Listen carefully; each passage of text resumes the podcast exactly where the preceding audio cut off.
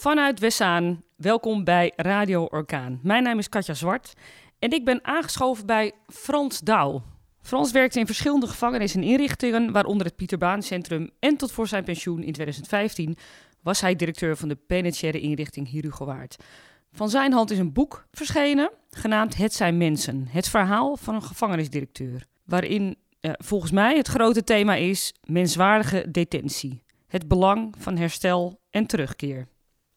Heb je bij elkaar 40 jaar ongeveer in het gevangeniswezen ja, gewerkt? ongeveer 41 jaar in inrichtingen. Hè? Dus niet, uh, niet alleen uh, in de gevangenis, maar ook in, een, in het Pieterbaancentrum dus. Wat wel ja. een bijzondere gevangenis is. Ja. En in de jeugdinrichting heb ik gewerkt. En um, ook niet altijd als directeur. Hè? Ik ben uh, ongeveer 27 jaar directeur geweest. Van die 41 jaar dat ik in zo'n omgeving heb gewerkt. Ja. Um, toen ik het boek las, dacht ik... Um, ja, ik heb nog nooit een kind gehoord die zegt... als ik later groot ben, wil ik uh, in de gevangenis gaan werken. Uh, mijn kleinzoon heeft dat een keer gezegd, maar dat was wel heel Maar die heeft al een voorbeeld, dat is niet eerlijk. Ja. Had jij ooit gedacht, uh, toen je jonger was... kinderen hebben toch wel vaak een goed beeld, vind ik... van wat ze later willen worden of waar, waar ze goed in zijn, wat ze leuk vinden. Had jij ooit gedacht dat jij daar terecht zou komen? Absoluut niet. Absoluut niet. Nee. Nee, wat er gebeurde was dat ik uh, tijdens mijn uh, lagere schoolperiode uh, priester wilde worden. Priester? Ik zat ook op een kerkkoor en nou ja, een hele devote periode heb ik toen doorgemaakt. Maar op school lukte het niet zo, dus ik kon ook niet naar het kleinseminarie. En waarom wilde je priester worden? Precies, wat was de reden daarvan? Wat vond je daar zo mooi aan? Ik denk dat ik toen al, dat kan ik me ook eigenlijk wel herinneren, een soort ideaalbeeld had van een, een mooie wereld. Hè, waarin mensen heel goed voor elkaar zijn en waar ik ook een rol in wilde vervullen. En um, de priester, dat was wel uh, de verpersoonlijking van iemand die daarmee bezig was. Ja. In die tijd. Ja. Je vertelde. Uh, dus ik, was geen, ik had geen flauw idee. Nee. En uh, eigenlijk uh, ben ik toen ik uiteindelijk de keuze maakte om zeg maar, in de jeugdinrichting te werken, was het veel meer een keuze om met mensen te willen werken. Omdat ik uh, niet handig was en uh, kantoor ook niks voor mij was. Dus ik heb gewoon de eerste advertentie die ik zag, die ging over het werken met mensen, heb ik op gereageerd. En toen kwam ik in de jeugdinrichting terecht. Je rolde er eigenlijk gewoon in? Ja, ja en, en van het een kwam het ander. Zo is het eigenlijk gegaan. Toeval, denk je? Of? Uh, nou, wat ik zelf wel denk is dat, dat uh, ja, min of meer, want toeval bestaat niet, zeggen ze wel eens. Hè? Dat ik min of meer toch wel in een omgeving ben gekomen waar ik toen al uh, affiniteit mee had. Hè? Een omgeving van moeilijke kinderen, moeilijke jongens, die als zeer moeilijk of voetbaar werden beschouwd. En waar ik zelf ook wel een beetje affiniteit mee had, door mijn eigen manier van opgroeien. Dus dat was eigenlijk niet zo gek. En toen ik daar was en werkte, toen merkte ik al vrij snel dat ik wel dat het wel mijn omgeving was. Dat het wel echt iets voor mij was. affiniteit, want je was zelf ook niet een heel makkelijk jongetje. Nee, nee. Nee, ik was, uh, ik was, ik was, ik was behoorlijk. Uh, ja, ik was tegen draads en ik paste niet in het systeem. En uh, ik kon ook behoorlijk vervelend zijn, kan ik wel zeggen. Ja, ja, ja ik las over uh, dat je op een gegeven moment uh, een beetje op straat ging zwerven, een beetje stelen. Ja, het terwijl, was, was, een korte periode, maar dat was wel zo. Ja. Terwijl je best wel uit een normaal, hè, vond ik, normaal gezin. Er gebeurden niet hele buitensporige dingen of zo. Een vader die bij uh, V&D werkte. Ja. een moeder die in die tijd gewoon thuis bleef voor de kinderen, denk ik. Zeker. Wel zich verder had willen ontwikkelen, maar dat ja. niet echt ja. kon in die tijd.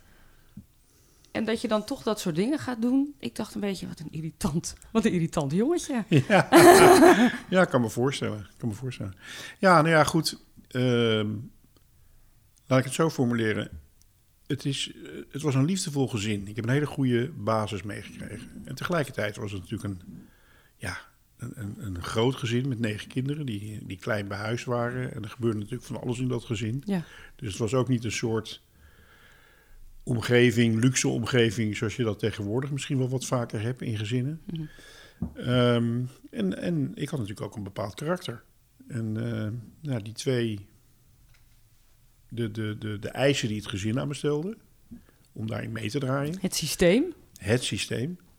En, eh, en mijn karakter, ja, dat was. eh, ik had een vrij sterk, vrij eigen gereid karakter. Ik wilde alles zelf bepalen. En ehm, eh, vond eigenlijk dat de hele wereld om mij heen draaide. En eh, ik, ik, werd, ik groeide op in een omgeving waar ik eigenlijk nooit gelijk kreeg. En nooit mocht bepalen. Dus dat heeft wel een tijdje geschuurd, kan ik zeggen. Ja. Ik kan me voorstellen dat het nog steeds een beetje schuurt, of niet? Die persoonlijkheid heb ik nog steeds. Ja, Ik ben heel. eh, ehm, ik vind iets van dingen. Ik ben, ik ben eh, een, een, denk ik een, een redelijk onafhankelijke denker en doener. En ehm, ja, er zitten eigenlijk twee kanten een beetje aan me, die ook altijd een beetje in, in, in gevecht met elkaar zijn. De ene is dat ik gek ben op mensen en dat ik ook heel graag goede dingen wil doen. Hè, dus heel verbindend. En ik, ik ben ook absoluut niet iemand die in die zin eh tegendraads is, zeg maar. Maar aan de andere kant ehm, ben ik ook iemand die, als ik onrecht zie of dingen waar ik, waar ik boos over word of wat dan ook, ja, dan, dan word ik wat meer activistisch en wat, wat confronterender, denk ik. En dan, eh, dan heb ik de neiging om, eh, om niet direct die verbinding te zoeken. Dat, dat gebeurt wel altijd, maar toch even een moment ook bijvoorbeeld een statement te maken Mhm. of, eh, of activistisch te worden, dingen te doen. Ja. Daar schrijf ik in het boek ook over. Hè? ja. Tot en met als eh, met twee andere of drie andere ex-gevangenisdirecteuren met borden eh, voor het ministerie staan. Hè? Staan te demonstreren. Dus dat, eh, zover kan het dus gaan. Ik ga nog even terug naar toen je, toen je in het begin kwam te werken, hè? In, in, Ja. in dat wezen. Je rolde daarin door een advertentie.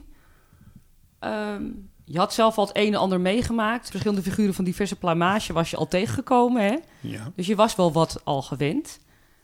Maar had je zelf een, een vooroordeel eh, dat heel snel wegviel?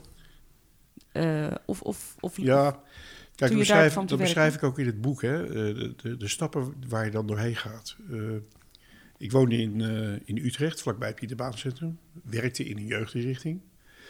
En ja, bijna iedere week stond er wel iets in de krant over de meest verschrikkelijke misdaden en de mensen die die gepleegd hadden. Mhm. En eh Pieterbaancentrum had van die ramen eh, die doorzichtig waren zonder tralies ervoor.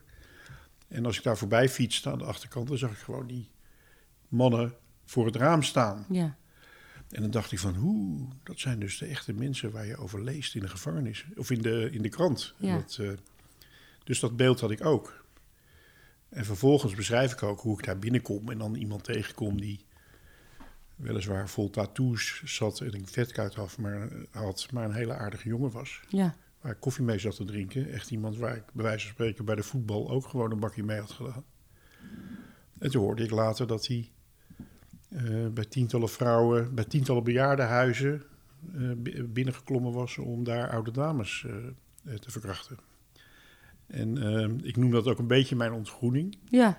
omdat ehm, ja, je dan ineens ziet dat mensen die eigenlijk een aantal hele... ehm, ja, die zijn zoals jij en ik. Dat die hele verschrikkelijke dingen kunnen doen. En dat het kennelijk naast elkaar bestaat.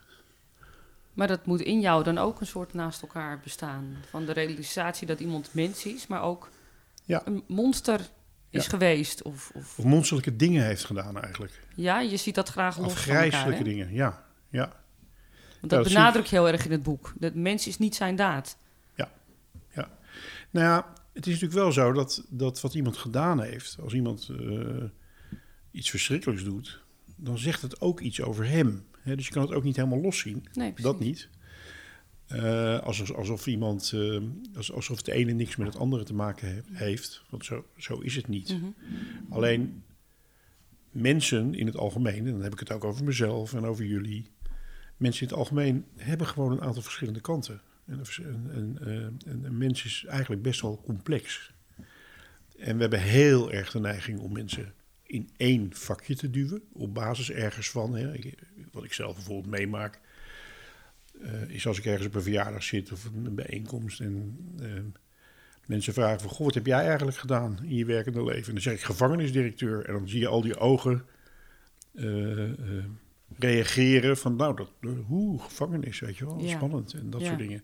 Dus, dus zodra je iets hoort over iemand, één ding, dan, dan ontstaat er automatisch, daar zijn we mensen voor, dat heb ik ook, een beeld. Een oordeel. Ja. Een beeld in ieder geval, ook een oordeel. Hè? En eh, ja, mijn ervaring is dat als je beter gaat kijken naar mensen, en dat geldt zowel mensen die niet crimineel zijn of wat dan ook, maar gewoon mensen in het algemeen. Mhm. Zodra je beter gaat kijken, dan zie je dat iemand gewoon en, en, en, en, en is. Dat het allemaal naast elkaar bestaat. Dus ehm, ja, een van de dingen waar ik heel erg ehm, voor ben, dat is om mensen niet in vakjes in te delen. Maar vooral je oordeel uit te stellen en gewoon goed te kijken wat iemand allemaal wel niet is. En ook wel een beetje naar jezelf. Van, eh, ik mag gevangenisdirecteur zijn en ook lid van de wandelclub. En ik mag ook eh, opa zijn en ik mag ook, eh, nou ja, ik mag heel veel dingen zijn. Zeg maar. Of ook iemand die gewoon fouten maakt. Mhm. Of iemand die ergens bang voor is. Of iemand die eh, niet zo goed is in bepaalde dingen. Eh, Snap je? Dus eh, Je mag mens zijn eigenlijk. je mag mens zijn. En, dat, ja. Ja. en iedereen, volgens mij, ehm, je kan niet leven zonder dat, je, dat jouw onrecht wordt aangedaan. In je jeugd, maar ook gewoon waar dan ook. Mhm. Eh, en zonder dat je eens andere onrecht aandoet. Hè, en dan wil ik niet zeggen dat je heel doelbewust andere mensen onrecht gaat aandoen. Maar het gebeurt wel. Dat je mensen pijn doet. Je hebt het over eh, mensen niet in hokjes stoppen. Want in, in het boek pleit je heel erg voor maatwerk. Ja. Ja, ik heb uh, maatwerk is dan. Uh, uh, dat ik, ik, ik ben er heel erg van overtuigd dat. dat ja, we, we zijn allemaal anders en uniek. We, we, dat is heel gek, want aan de ene kant 99% lijken op elkaar. Mm -hmm. Zijn we allemaal hetzelfde.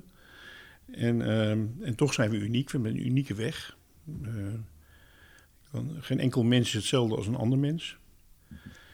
En dat betekent dus dat dat, dat mijn weg niet jouw weg is. En dat ik hem ook zelf moet zien te zoeken. Ik bedoel, anderen kunnen me wel daarbij ondersteunen en allemaal dat soort dingen. Maar ik zal toch mijn eigen weg moeten zoeken.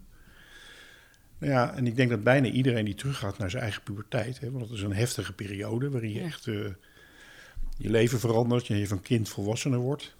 Uh, dat, je, dat je echt ruimte nodig hebt, maar ook neemt. Hè. Daarom zijn pubers vaak zo moeilijk. Hè, want die nemen ruimte. Mm -hmm. Ja, om gewoon uit te vinden wat nou jouw weg is. En um, nou ja, dat is denk ik, uh, dat is een manier om dat waarop ik dat maatwerk bedoel. Dat, dat, dat iedereen eigenlijk zijn eigen plan heeft en kan maken. En kan ontdekken uh, wat voor hem werkt en wat niet. Het is wel mooi dat je pubers nu noemt, want de gedetineerden, dat zijn eigenlijk... Ik zag ze dan zo hoor, misschien zegt dat iets over ja, mij. Ja stuk voor stuk een beetje als uh, ja, gekwetste kinderen, zeg maar, die je opnieuw leert uh, hoe ze om moeten gaan met het leven.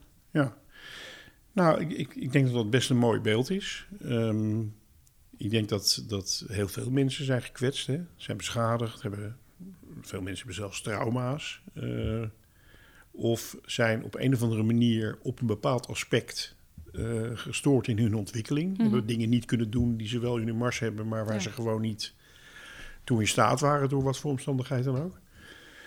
En ik denk zelf dat, dat je je hele leven daar eigenlijk allemaal mee bezig bent. Om uh, en steeds opnieuw om te gaan met datgene wat je, ja, je kwetsuren, je pijn, de dingen die, je, die niet helemaal lekker lopen. Maar ook in positieve zin met het ontwikkelen van capaciteiten die, ja, die je misschien wel dacht dat je ze had, maar nooit gebruikt had. Mooi voorbeeld is dit boek natuurlijk. Ik, ben, ik heb nog nooit een boek geschreven. Ik heb nu een boek geschreven. Mhm. Mm -hmm. En daarmee heb ik eigenlijk iets gedaan wat, uh, wat ik eigenlijk altijd wel van plan was, maar nooit gedaan had. Dus uh, dat kan ik afvinken, ja. zeg maar. Hè, dus het is... En het gaat ook best wel terug naar de kindtijd. Hè. Mijn moeder zei toen ik kind was al, want ik had een grote fantasie en ik kon mooie verhalen verzinnen. Maar Frans, jij moet een keer een boek gaan schrijven. En dat ik journalist moest worden en allemaal dat soort dingen. En uh, ja, dat, dat is, daar is het nooit van gekomen. En uh, ja, nu dus wel. Ja, journalist is toch een soort spreekbuis van mensen. Dat ben je toch eigenlijk ook wel geworden? Zeker, zeker. Ik geloof ook wel dat... eh, ik zie mezelf, eh, ook, ook, ook en, en niet alleen mezelf hoor. Ik denk dat, dat, dat, dat wij zijn allemaal, in mijn ogen, onderdeel van de gemeenschap. Hè, de Mhm. gemeenschap van mensen. En ehm, kleine schakeltjes in de community. Hè, dus ehm, als, je, als, je, als ik terugkijk, dan, dan heb ik niet het gevoel van... nou, Frans Douw heeft van alles neergezet en gedaan. En dat is dus vervolgens van hem. Hè, kijk eens even.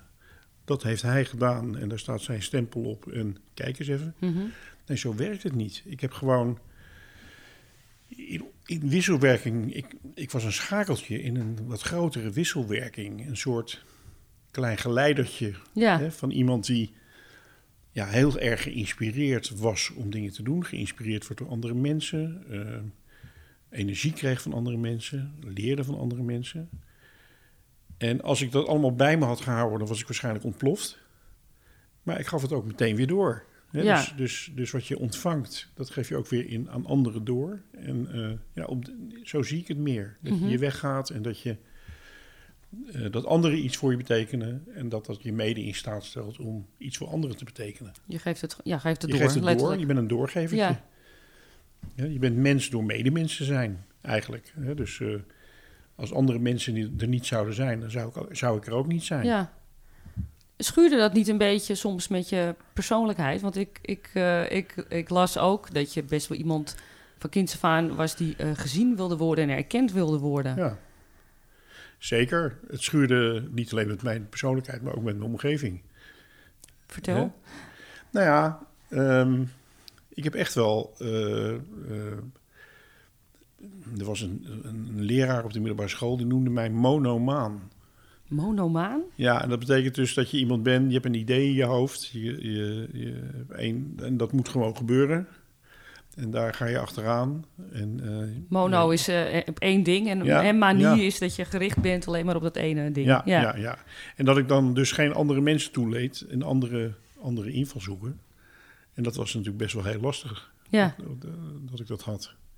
Dus ik heb wel echt ehm, moeten leren om, eh, om, om eh, niet alleen te vechten en voor mijn eigen ding bezig te zijn en te overleven, Mhm. maar ehm, eh, aan te sluiten en te verbinden en eh, anderen de gelegenheid te geven om. Wanneer kwam die realisatie? Dat je dat, je dat, beter, dat je beter open kon stellen en niet alleen maar eh, vooruit rennen en vechten en op je doel af? Ja, dat is niet één moment geweest. Dat is echt. ik- Want wanneer sluimerde dat erin dan? Ik denk dat het een beetje een levenslange ontwikkeling is. Hè? Van, Ja. van het ego-kind naar nou ja, een volwassene, om het Ja, zo maar te zeggen. Ehm, ik denk dat dat bijvoorbeeld een belangrijke fase was toen ik inderdaad eh, naar het buitenland ging.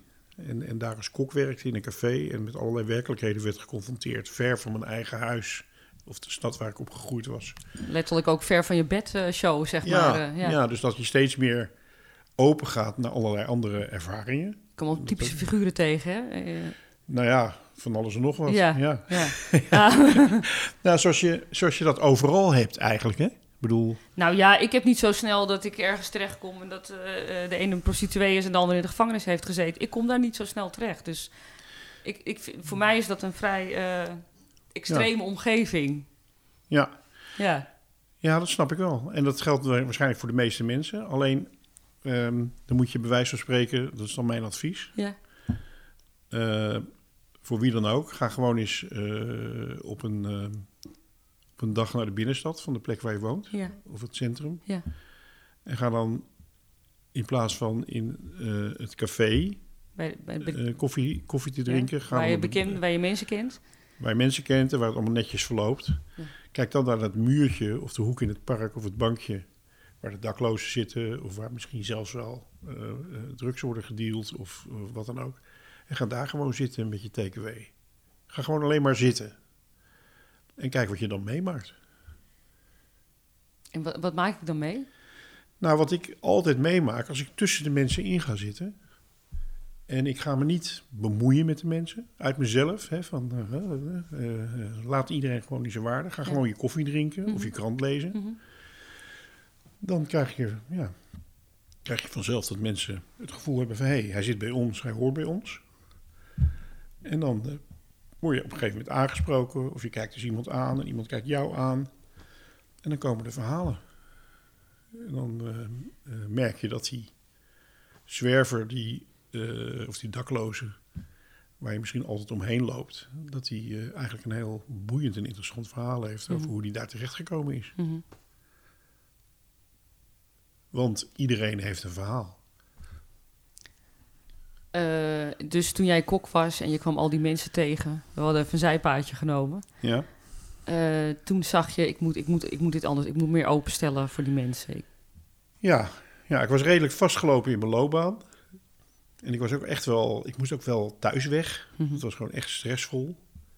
Dus toen ben ik gaan, gaan, gaan, gaan werken. En toen, ja, naar het buitenland was ook een soort zoeken van die ruimte waar we het net over hadden. Hè? Ruimte om andere ervaringen te doen, om een beetje afstand te nemen van datgene waar ik eh, in mijn jeugd mee bezig was geweest. En ehm, ik denk dat dat een belangrijke periode was. En toen ik daarna eh, met, met eh, moeilijke voetbare jongens ging werken, was dat echt ook een hele belangrijke stap in die ontwikkeling. Waarin ik ook heel erg moest afvragen van ja, eh, wat hebben deze jongens nou nodig? Hè? Dus niet zozeer wat heb ik nodig, maar ik ben een autoriteit. Ik moet hier eh, als groepsleider moet ik zien dat ik, die, dat ik een bijdrage lever aan die kinderen en aan het leven van die kinderen, zodat ze kunnen herstellen. Hè. Ze, jongens gedroegen zich moeilijk, maar ze kwamen ook vaak uit omgevingen, ja, bijna oorlogsgebieden, hè, waar ze vaak verwaarloosd werden, mishandeld. eh, en en de vraag die ik dus als, eh, als groepsleider had, was om het beter te doen en anders te doen dan de volwassen voorbeelden die ze uit hun eh, eigen omgeving kenden. Mhm. Dus dan krijg je al een heel andere instelling. Want dan ga je gewoon kijken van... hé, hey, wie ben jij nou eigenlijk? En wat heb jij nou nodig? En hoe kan ik daaraan bijdragen? En daarmee eh, kwam ik natuurlijk ook mijn eigen pijn en mijn eigen issues tegen. En het heeft voor mij heel goed gewerkt om dat soort werk te gaan doen.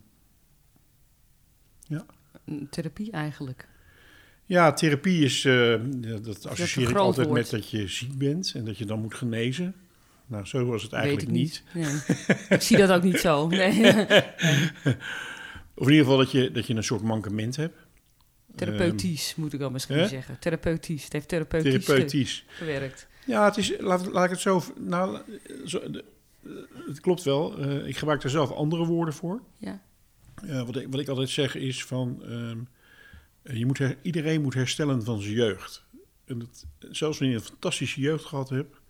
zul je op een of andere manier de dingen die je tijdens je opgroeien hebt meegemaakt... zul je een plek moeten geven om in een volwassen leven verder te kunnen. En dat is een beetje het proces wat ik, eh, wat ik bedoel. Ja. Toen ik nog maar net afdelingshoofd was, kreeg ik met Freek, een oude bekende, te maken. Hoe bestaat het, dacht ik, toen ik hem op de lijst van nieuwe observandi zag. Hij leeft nog. Freek was een van de stiefzonen van Jan, met wie ik ooit een confrontatie had gehad bij het GAK in Scheveningen. Freek was dominant aanwezig, riep om hoeren en natuurfilms en begon te dreigen als hem ook maar een strobreed in de weg werd gelegd. Zijn in plat Haagse uitgeschreeuwde dodelijke ziektes compenseerden zijn weinig imponerende dunne armen en zijn uitgemergelde lijf, het gevolg van zijn jarenlange heroïnegebruik. Hij had een vetkuif en twee koolzwarte ogen die dwars door je heen leken te kijken. Ik sprak hem bijna dagelijks en soms moest ik hem op vrijdagmiddag vertellen dat hij het weekend op zijn cel moest blijven, omdat ik zijn aanwezigheid op de afdeling te gevaarlijk vond. Vuile kankerhond, riep hij dan. Je, wat mij opvalt bij jou is dat je echt een soort van vertrouwen in de mensheid hebt. Ik denk, hoe, hoe bestaat het? Het gaat echt verder dan ehm, wat ik bij de gemiddelde mens zie, zeg maar. Jij, Ja. jij blijft maar vertrouwen, ondanks alles wat je hebt gezien en, en eh, mensen die je hebt ontmoet. Eh, ook als mensen, eh, een gedetineerde die hersteld is, weer de fout in gaat, Ja, vind jij dat je nog steeds die persoon vertrouwen moet geven? Ehm, nou ja, ik heb zelfs veel meer vertrouwen gekregen in Ja? de loop van mijn loopbaan. Veel meer dan dat ik, eh, dat ik vroeger had. En dat baseer ik op wat ik zie en wat ik meemaak. Want ik heb, ehm, er zijn een paar dingen die ik, die ik ja, eh, ontdekt heb onderweg. Een daarvan is dat ehm, eh, het, het zien van talenten van mensen en mogelijkheden, dat dat echt wel een sleutel is om iets voor iemand te kunnen betekenen. Mhm. En dat het geven van ruimte en vertrouwen, hè, waarbij iemand fouten mag maken, dat dat ook enorm helpt. Hè? Van je kunt het, ga het doen. En dan kan het één keer misgaan, twee keer misgaan, drie keer misgaan. Maar blijf, wijs hem dan niet als persoon af, Mhm. maar blijf naast hem staan. En ik heb eigenlijk ontdekt dat ehm, het, het, het, niet, het belangrijkste niet zozeer is dat je een persoon 200% vertrouwt. Want dat vind ik wel een discutabel ding. Hè? Want, Ja, dat vind ik ook. Daarom vroeg ik het. ja. ja, want, want ehm, eh, ik ben natuurlijk... ehm, eh, ik vertrouw mezelf niet eens altijd. Weet je wel? Ik, ik kan ook dingen doen waarvan ik nu misschien denk van... ehm, dat zou ik nooit doen in bepaalde omstandigheden. Mhm. Hè, stel je voor dat ik eh, eh, dement word of eh, een andere psychiatrische ziekte ontwikkel... of dat er iets met mijn dierbaren gebeurt of iets anders... dan kan, ik, dan kan het best zijn dat ik dingen doe waar ik nu geen besef van heb.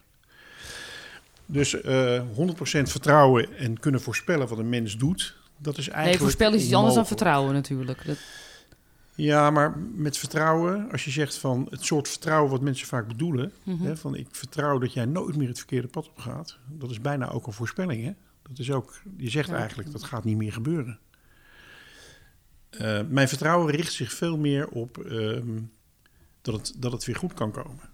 Snap je? Dus eh, op het moment dat iemand iets doet wat je vertrouwen beschaamt en waar je teleurgesteld over bent, dan vertrouw ik erop dat ik die teleurstelling kan overwinnen.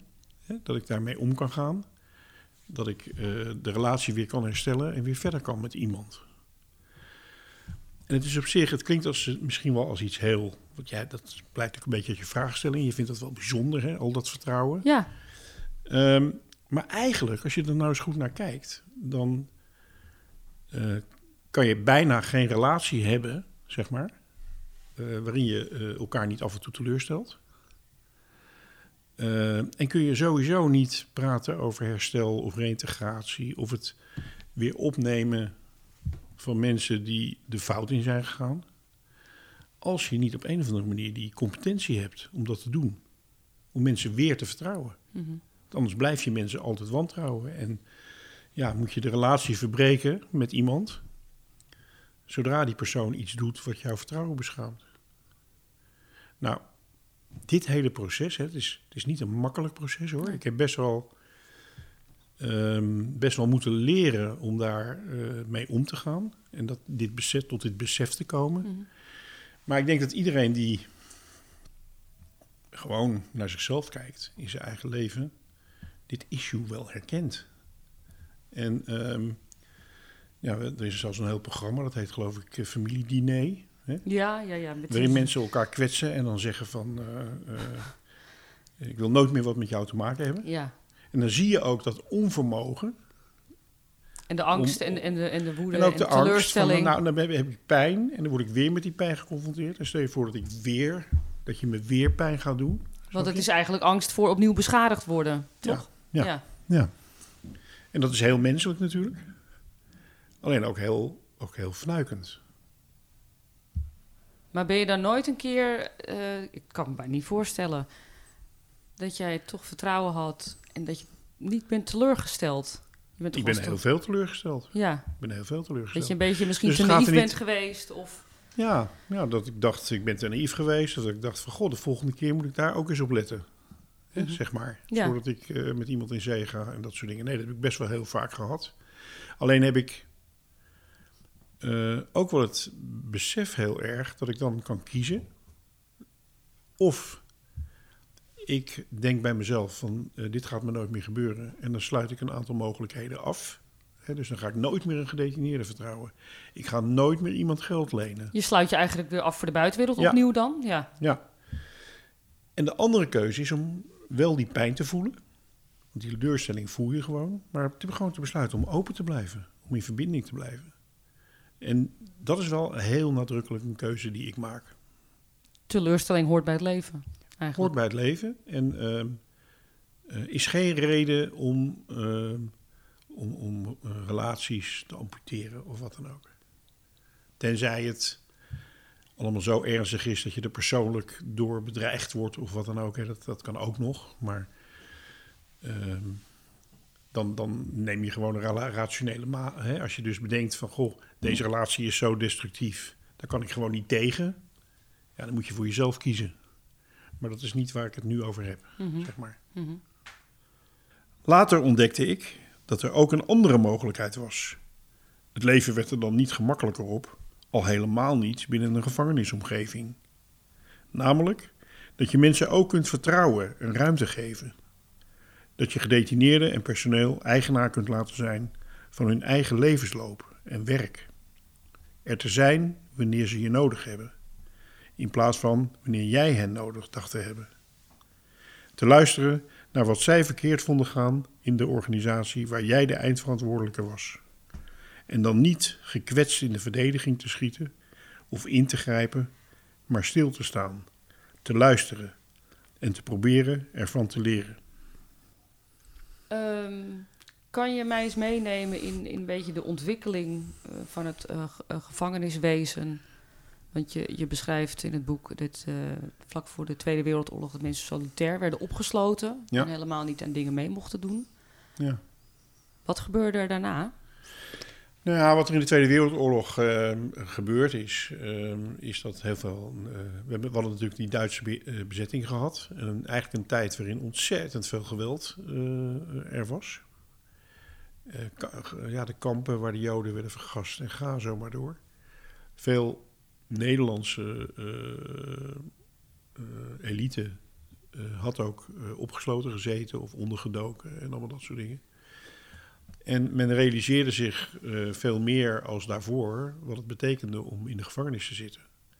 Dus, en, en men had ook een grote behoefte om de persoon van de verdachte, de persoon van degene die in de gevangenis kwam of die verdacht werd van een misdrijf, om die, ja, om die mee te laten tellen, om daar naar te kijken. Mhm.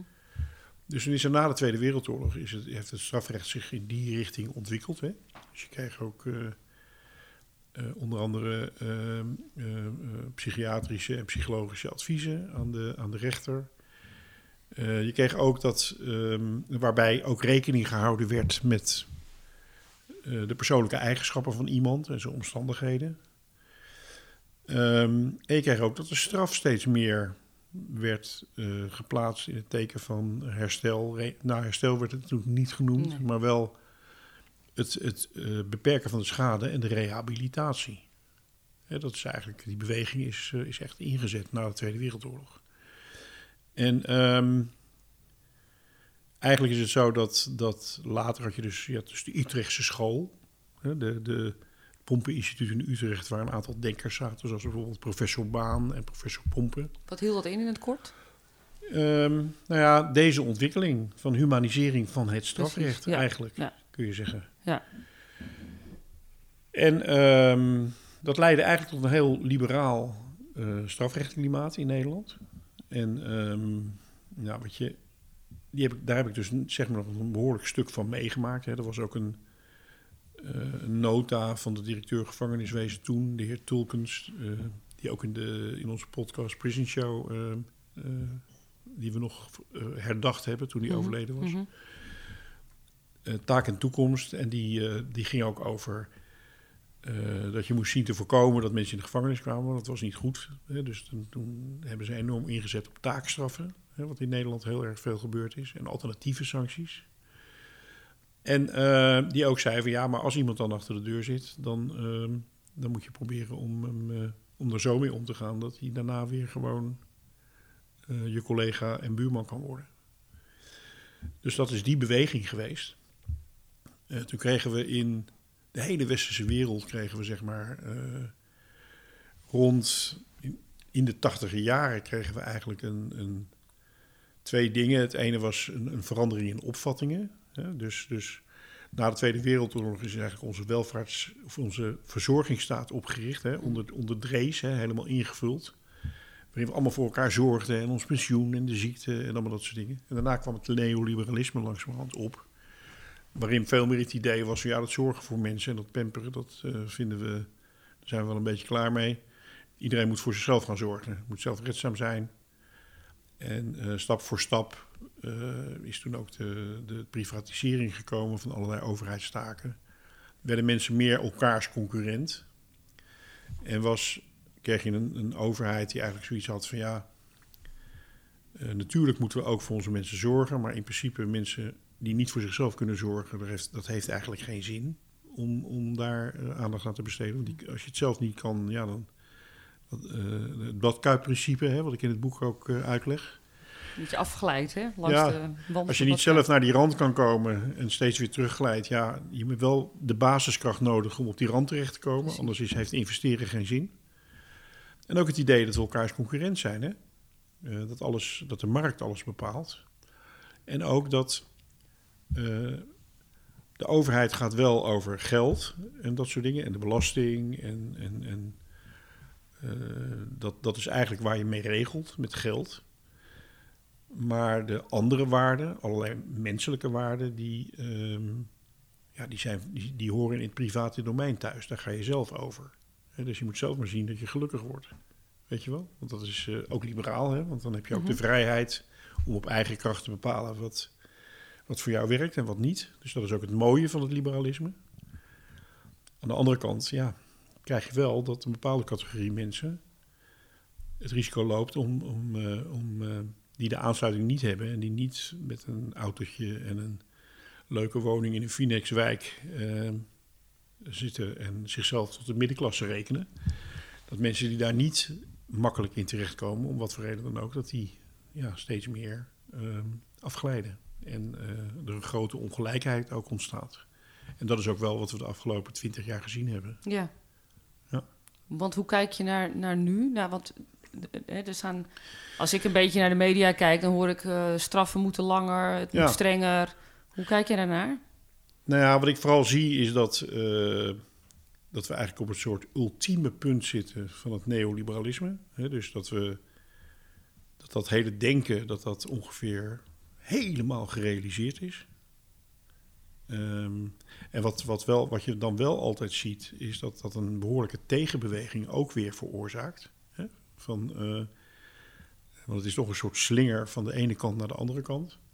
En dat er ook wel heel veel mensen zijn die weer de menselijke maat willen. En die weer willen dat, eh, dat we zelf over onze eigen dingen gaan. In plaats van eh, bedrijven of Europa of nou ja, alles wat ver van je afstaat. Hè, die, de, mens, de menselijke maat. Hè, dus, dus dat je zelf invloed hebt op de dingen eh, in je directe omgeving. Om het zo maar te zeggen. Die voor jou belangrijk zijn. Mhm. En ehm, ja, datzelfde geldt voor het strafrecht. Hè. Ehm, eh, we hebben een, echt een hele, hele moeilijke periode achter de rug. Waarin eh, ja, eigenlijk wat er bijvoorbeeld in de gevangenissen gebeurt, ja, totaal ehm, eh, zich aan de, aan, aan de buitenwereld onttrekt. Hè. Tweede, Tweede Kamer, bijna voltallig, heeft het standpunt dat je niks meer voor daders moet doen. En eh, al een aantal jaren. En eh, dat het alleen nog maar om slachtoffers gaat. En die vergeet eigenlijk dat zowel die daders als die slachtoffers allebei medeburgers zijn. En dat je eigenlijk alleen maar iets kunt doen en, en eh, de spiraal van geweld kunt doorbreken door, door met allebei aan de slag te gaan en allebei te horen. Ehm, en ja, er de, de werken eh, 16.000 mensen bij eh, de dienst justitiële inrichtingen. En die mogen geen van allen praten over wat, hoe ze hun werk ervaren, eh, wat er binnen gebeurt. En hetzelfde geldt voor gedetineerden, die ja, volgens de, de wet wel eh, vrijheid van meningsuiting hebben, mits ze een aantal dingen niet doen, die ook heel logisch zijn. Hè? Niet over slachtoffers praten, privacy respecteren, eh, de goede zeden volgen, zoals dat dan Ja, heet. ja. Wat eigenlijk, denk ik, geldt voor ons allemaal op het moment dat we, dat we ons uitspreken. Ehm, maar die krijgen ook geen eh, spreekrecht. Doet dat geen pijn? jou persoonlijk? Dat je iemand die zo gelooft in, in beide partijen eh, betrekken, eh hè, Ja, dat is een herstel belangrijke, en terugkeer. En dat je nu deze ontwikkeling ziet. Dat ja, dat kwetst is een dat belangrijke, een belangrijke drijfveer. Ja. Nou ja, kwetsen is niet helemaal het woord. Het, het, het, het maakt me actief. Het, maakt me, het daagt me uit. Ja, Ik je kan, krijg- hem, je kan het omdraaien. Ja, Ja, ik eh, krijg dan gewoon zin om er wat aan te doen. en wat doe je eraan? Nou, wat ik, wat ik heel concreet doe, is gewoon, eh, nou, onder andere met de podcast, maar ook met, met andere activiteiten van de stichting, ja, een, een podium geven aan mensen die. E- Even, even terug, de podcast. ja, de podcast, Ja. de Prison Show. Iedereen heeft recht van spreken. Iedereen heeft recht op erkenning voor wie hij of zij is. Daders, slachtoffers, professionals, eh, achterblijvers, dus familie van daders, van slachtoffers, nabestaanden. Iedereen in het proces Mhm. heeft recht eh, om van spreken en mag vanuit zichzelf vertellen eh, in welke werkelijkheid hij of zij verkeert. Ja. En daar geven wij ruimte voor. En dat, ehm, ja, dat is een, een hele belangrijke activiteit, vind ik zelf. Omdat je daarmee ehm, zorgt dat, dat mensen zich meer bewust worden van andermans werkelijkheid. Hè. We hadden in het begin al gezegd van ja, mensen, wij, wij ik ook hoor, hebben enorm de neiging om meteen te oordelen. Mhm. Nou, zo'n prison show laat toch verschillende kanten van de werkelijkheid zien, vanuit verschillende oogpunten. Dus ik hoop dat dat bijdraagt aan, eh, aan bewustwording. En aan herstel, aan de mogelijkheid van mensen om te herstellen. En, en het besef dat, dat je een keuze hebt in het leven. En ehm, ja, er zijn ook heel veel inspirerende mensen die wij hebben geïnterviewd. Mhm. En die je ook echt inspireren. En die, die bijdragen aan ja, dat je op een gegeven moment denkt hé, hey, als hij of zij dat kan, dan kan ik het misschien ook wel. En dan werkt het misschien wel. Dat. Dat is wat we daarmee proberen. Een nabestaande die zelf ook veel geweld heeft ervaren, zei: Ik ben er zelf verantwoordelijk voor hoe ik met mijn pijn omga. Ik leg die verantwoordelijkheid juist niet bij de eh, schuldige of de dader neer. Want dat zou mij alleen maar machteloos maken. En dan zou ik hem de macht over mijn leven geven. Zelfs als die dader volledige verantwoordelijkheid neemt, zal dat mijn lijden niet veranderen. Alleen ik zelf kan leren hoe ik daar voor mezelf het beste mee om kan gaan. Ik neem dus het heft in eigen handen en dat maakt dat ik me sterker en krachtiger ben gaan voelen. Ik focus me niet langer op de dader. Ik beweeg vooruit. Ik voel de heftige pijn en ook dat ik die kan dragen. De dader laat ik daarmee los. Die mag de verantwoordelijkheid voor zijn eigen pijn nemen. En als hij dat niet doet, zal hij of zij zichzelf telkens opnieuw tegenkomen. Justitie heeft de taak om ervoor te zorgen dat het zo veilig mogelijk blijft. En dus ook om mensen die de verantwoordelijkheid voor hun eigen pijn uit de weg gaan en deze afreageren op anderen tegen zichzelf en anderen te beschermen. En je bent betrokken bij de stichting Herstel en Terugkeer. Ja, Het grote thema eigenlijk van het boek ook, hè? zou je kunnen zeggen. Ja, Ja, mijn eigen herstel en terugkeer. ook, ook, ook, ja.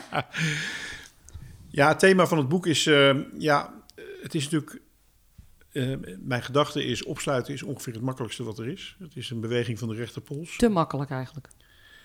Ja, op een bepaalde manier wel. Want eh, ja, op het moment dat het alleen maar om het opsluiten ging, dan kon je met vijf man een grote baais runnen. Hè? Dicht die deur, eten erin en klaar is Kees. Dus waar ik eigenlijk mee bezig ben geweest natuurlijk, is gewoon vanuit het besef hoe destructief het systeem eigenlijk is voor mensen. Hè? Want een gevangenissysteem eh, is heel gevoelig voor allerlei vormen van geweld en van machtsmisbruik en corruptie en allemaal dat soort dingen. Depersonalisering, dat mensen elkaar niet meer zien Mhm. als unieke individuen. Mhm, mhm. Ja, eigenlijk ben je bezig om dat heel erg te bestrijden op allerlei manieren. En te zorgen dat, ehm, eh, dat mensen zich ook kunnen voorbereiden op hun terugkeer in de samenleving. Daar probeer je eigenlijk de voorwaarden voor te creëren. En met de stichting? Doen jullie dat? Wat doen jullie concreet de stichting? Nou, met, met, met de stichting ehm, ehm, heb ik een aantal activiteiten. Ik we, hebben bijvoorbeeld vanuit de stichting een platform Relaties Gedetineerden opgericht, waarbij mensen elkaar ondersteunen in het ehm, eh, mensen, familieleden van gedetineerden. Eh, we geven adviezen op individueel niveau aan allerlei mensen in het systeem. We- we zijn actief naar organisaties toe die, eh, die bezig zijn met, op het onderwerp van herstel en terugkeer. Ehm, en we doen dingen eh, voor, de hele, voor de hele samenleving, zoals bijvoorbeeld eh, het boek wat ik geschreven heb. Hè, wat eigenlijk bedoeld is om ook op het niveau van de samenleving een discussie op gang te brengen over dit onderwerp. Dus op verschillende niveaus proberen we hieraan, hieraan te werken. Ik wil een klein stukje voorlezen, mini-stukje. Eh, dat vrij in het begin van het boek zit. Ik was een moeilijk te sturen kind dat veel behoefte had zich te laten gelden en er erkend en gezien wilde worden. Het moest gaan zoals ik wilde en anders deed ik niet mee. Ja. W- wanneer komt dat kind toch weer op? Ehm, nou, er is wel iets wat ik geleerd heb. Ehm, Ja, dat vertelde je eerder. Maar zijn er momenten waarop dat kind toch weer opkomt? ehm, jawel hoor, ja, Wanneer? Ehm, als iemand voordringt bij de kassa, Ja. bijvoorbeeld. Gewoon ook in de kleine dingen. Ja, wat doe je dan? Dan, eh, dan, dan voel ik dat kind. En dan denk ik van Frans, eh, dat kind dat ben je niet meer. En dan, eh, dan doe ik niks. Maar je laat je ook niet af en toe even door dat kind meeslepen. Zo. Dat kan ook wel eens gebeuren, maar ook heel vaak niet. Ik heb ook heel vaak zoiets van, ehm, ik heb ook heel veel meer acceptatie dat het gaat zoals het gaat. ja. En ik merk ook dat dat kind wat toen ik, toen ik klein was, eh, eigenlijk dingen wilde realiseren. Ik heb nu veel meer dat ik dingen wil realiseren voor anderen. En ik eh, eigenlijk, eigenlijk het liefst heb dat andere dingen realiseren. En dat ik daar dan een bijdrage aan kan Mhm. leveren. En daarmee geef je eigenlijk eh, wat er moet gebeuren, geef je uit handen. En ehm, ondersteun je eigenlijk het hoe. Hè, hoe iemand het doet, probeer je een bijdrage aan te leveren. Ik pak het boek nu vast. Even, ik hou het nu omhoog. Is dit boek niet het bewijs dat je eigenlijk stiekem nog steeds gezien wil worden? Ehm, ja, in zekere zin wel. Eh, wel in een bepaalde context. Hè. Dus, dus ik heb het boek echt geschreven voor mijn kleinkinderen. Dat Ja, echt- dat zet je in de proloog ook, hè? Ja, Ja. dat is echt de drive geweest. Van, want het was best wel een hobbel hoor, voor iemand als ik, zonder al te veel zitvlees, om een hele winter zeg maar eh, eh, aan mijn bureautje boven te gaan zitten. Dat was best wel moeilijk. Maar het was wel vanuit de gedachte van, goh, het is eigenlijk voor de kinderen wel heel erg leuk, de kleinkinderen, om ehm, dit later te kunnen lezen als ze groot zijn. En dat zou je kunnen interpreteren als dat ik gezien wil worden door mijn kleinkinderen. En ehm, dat is ook zo. Aan de andere kant, het, de reden waarom, die is echt wel anders geworden. Hè, vroeger, ik heb natuurlijk een hele fase gehad dat ik mezelf in de wereld wilde neerzetten. Van zie mij eens en kijk mij eens. En eh, ik ben er ook nog en ik heb ook wat te vertellen. Dat heb ik niet meer. Dat heb ik echt niet meer. Ja. Ik heb zoveel mogen doen. En ik heb zoveel van dit soort issues ook doorgewerkt en doorleefd. Dat, eh, ja, die heb ik gewoon niet meer. Weet je wel? Dat, eh, ik ben een gezegend mens. En eh, ik maak me ook niet... Ik ben ook niet meer verdrietig. Of, of voor mij zijn geen... De dingen in mijn eigen leven zijn niet ingewikkeld.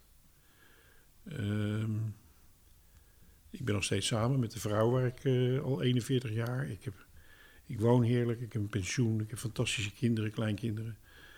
Ja, ik doe leuke dingen, dingen die ik de moeite waard vind.